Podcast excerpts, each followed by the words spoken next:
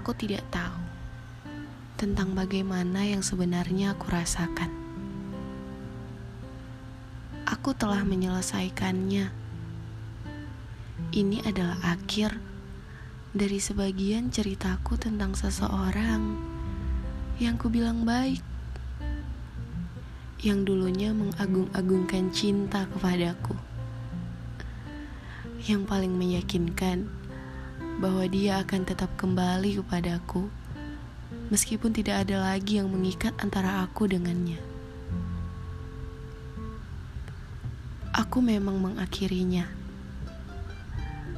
tapi aku pikir ketika dia mengatakan akan selalu dekat denganku,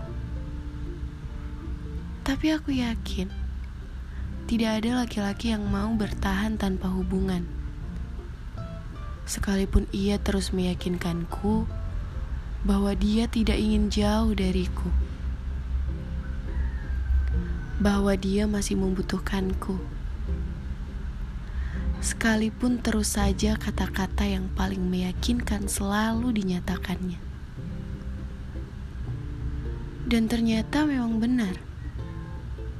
Ucapanku benar. Dia tidak akan sesuai dengan ucapannya Kecewa, tentu. Marah, apalagi.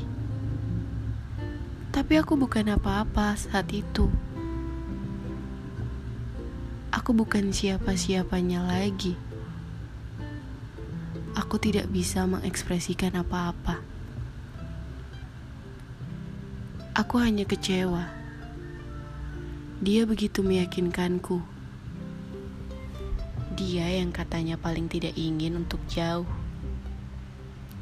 Dan dia yang lagi-lagi katanya akan terus ada untukku. Tapi dia mematahkannya. Dia tidak memegang ucapannya.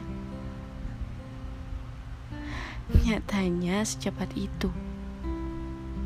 Secepat itu dia telah menemukan orang baru. Dia memulai hubungan baru yang aku sendiri tidak tahu kapan dia memulai hubungan barunya. Yang aku tahu, selama ini dia terus membersamaiku dengan ucapan-ucapan manisnya. Tapi tiba-tiba yang aku tahu, sekarang dia telah menggantikanku. Seharusnya Aku tidak perlu percaya. Tidak perlu percaya lagi ucapannya kemarin. Kadang-kadang kita memang suka lupa bahwa hal-hal pahit bisa saja akan terjadi sama kita.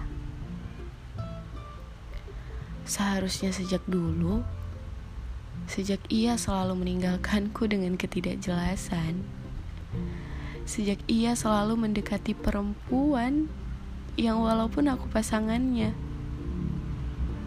Seharusnya sejak saat itu, aku tidak perlu mempercayainya lagi dan tidak perlu melanjutkan apa-apa lagi dengannya. Tapi entah kenapa, aku selalu terbuai akan kata-katanya. Tidak tersadarkan lagi bahwa dia pernah yang paling menyakiti saya. Sampai pada akhirnya, sekarang hal itu kembali lagi.